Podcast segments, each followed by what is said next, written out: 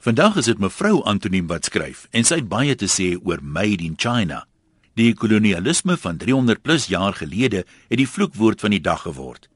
Vergeete is die goeie dinge soos die tegnologie wat daarmee saamgekom het. Wanneer jy geldjie by die kitsbank gaan trek, daai tegnologie het nie spontaan ontstaan nie, dis vanaf Europa.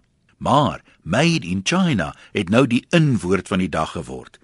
En nie net in Suid-Afrika nie, selfs Donald Trump se Make America Great Again keppies word in China gemaak. Alles, maar omtrent alles waaraan jy raak in die winkels, van 'n skoen tot 'n broek, 'n sexy toppie by jou leggings, man, jou hele nuwe outfit as jy gaan shop is made in China. En jy shop so lekker, want made in China is volgens die nuutste mode hier. Daai lekker lang neus skoen, die oorhang toppie, Al moet jy ongelukkig 'n triple X large koop, want made in China het nie tred gehou met die voller figure hier in die westerse wêreld en Afrika nie. Made in China het die mooiste en goedkoopste kostuumjuweliersware, die sagste oogpotloodjies en die mooiste nalak. Spot goedkoop teenoor die pryse van Suid-Afrikaanse kosmetiekfirmas.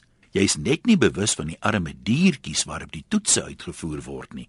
Made in China dres jou van kop tot tone en behalwe dit is jou TV-skerm, jou selfoon, jou mikrogolf, jou koordlose foon, jou kleinseun se nuutste Kersgeskenk, daai een wat die vliegtyg se eie vlerke so loslaat, alles made in China.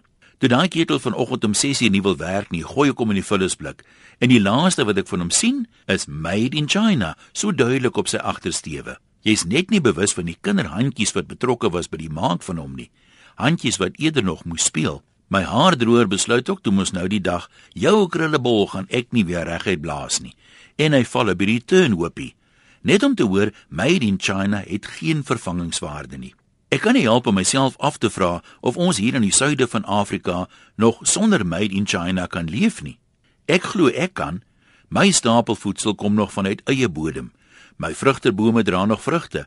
Ons skaapboere voorsien nog en so doen ons beesgraan en groenteboere ten spyte van die droogtes.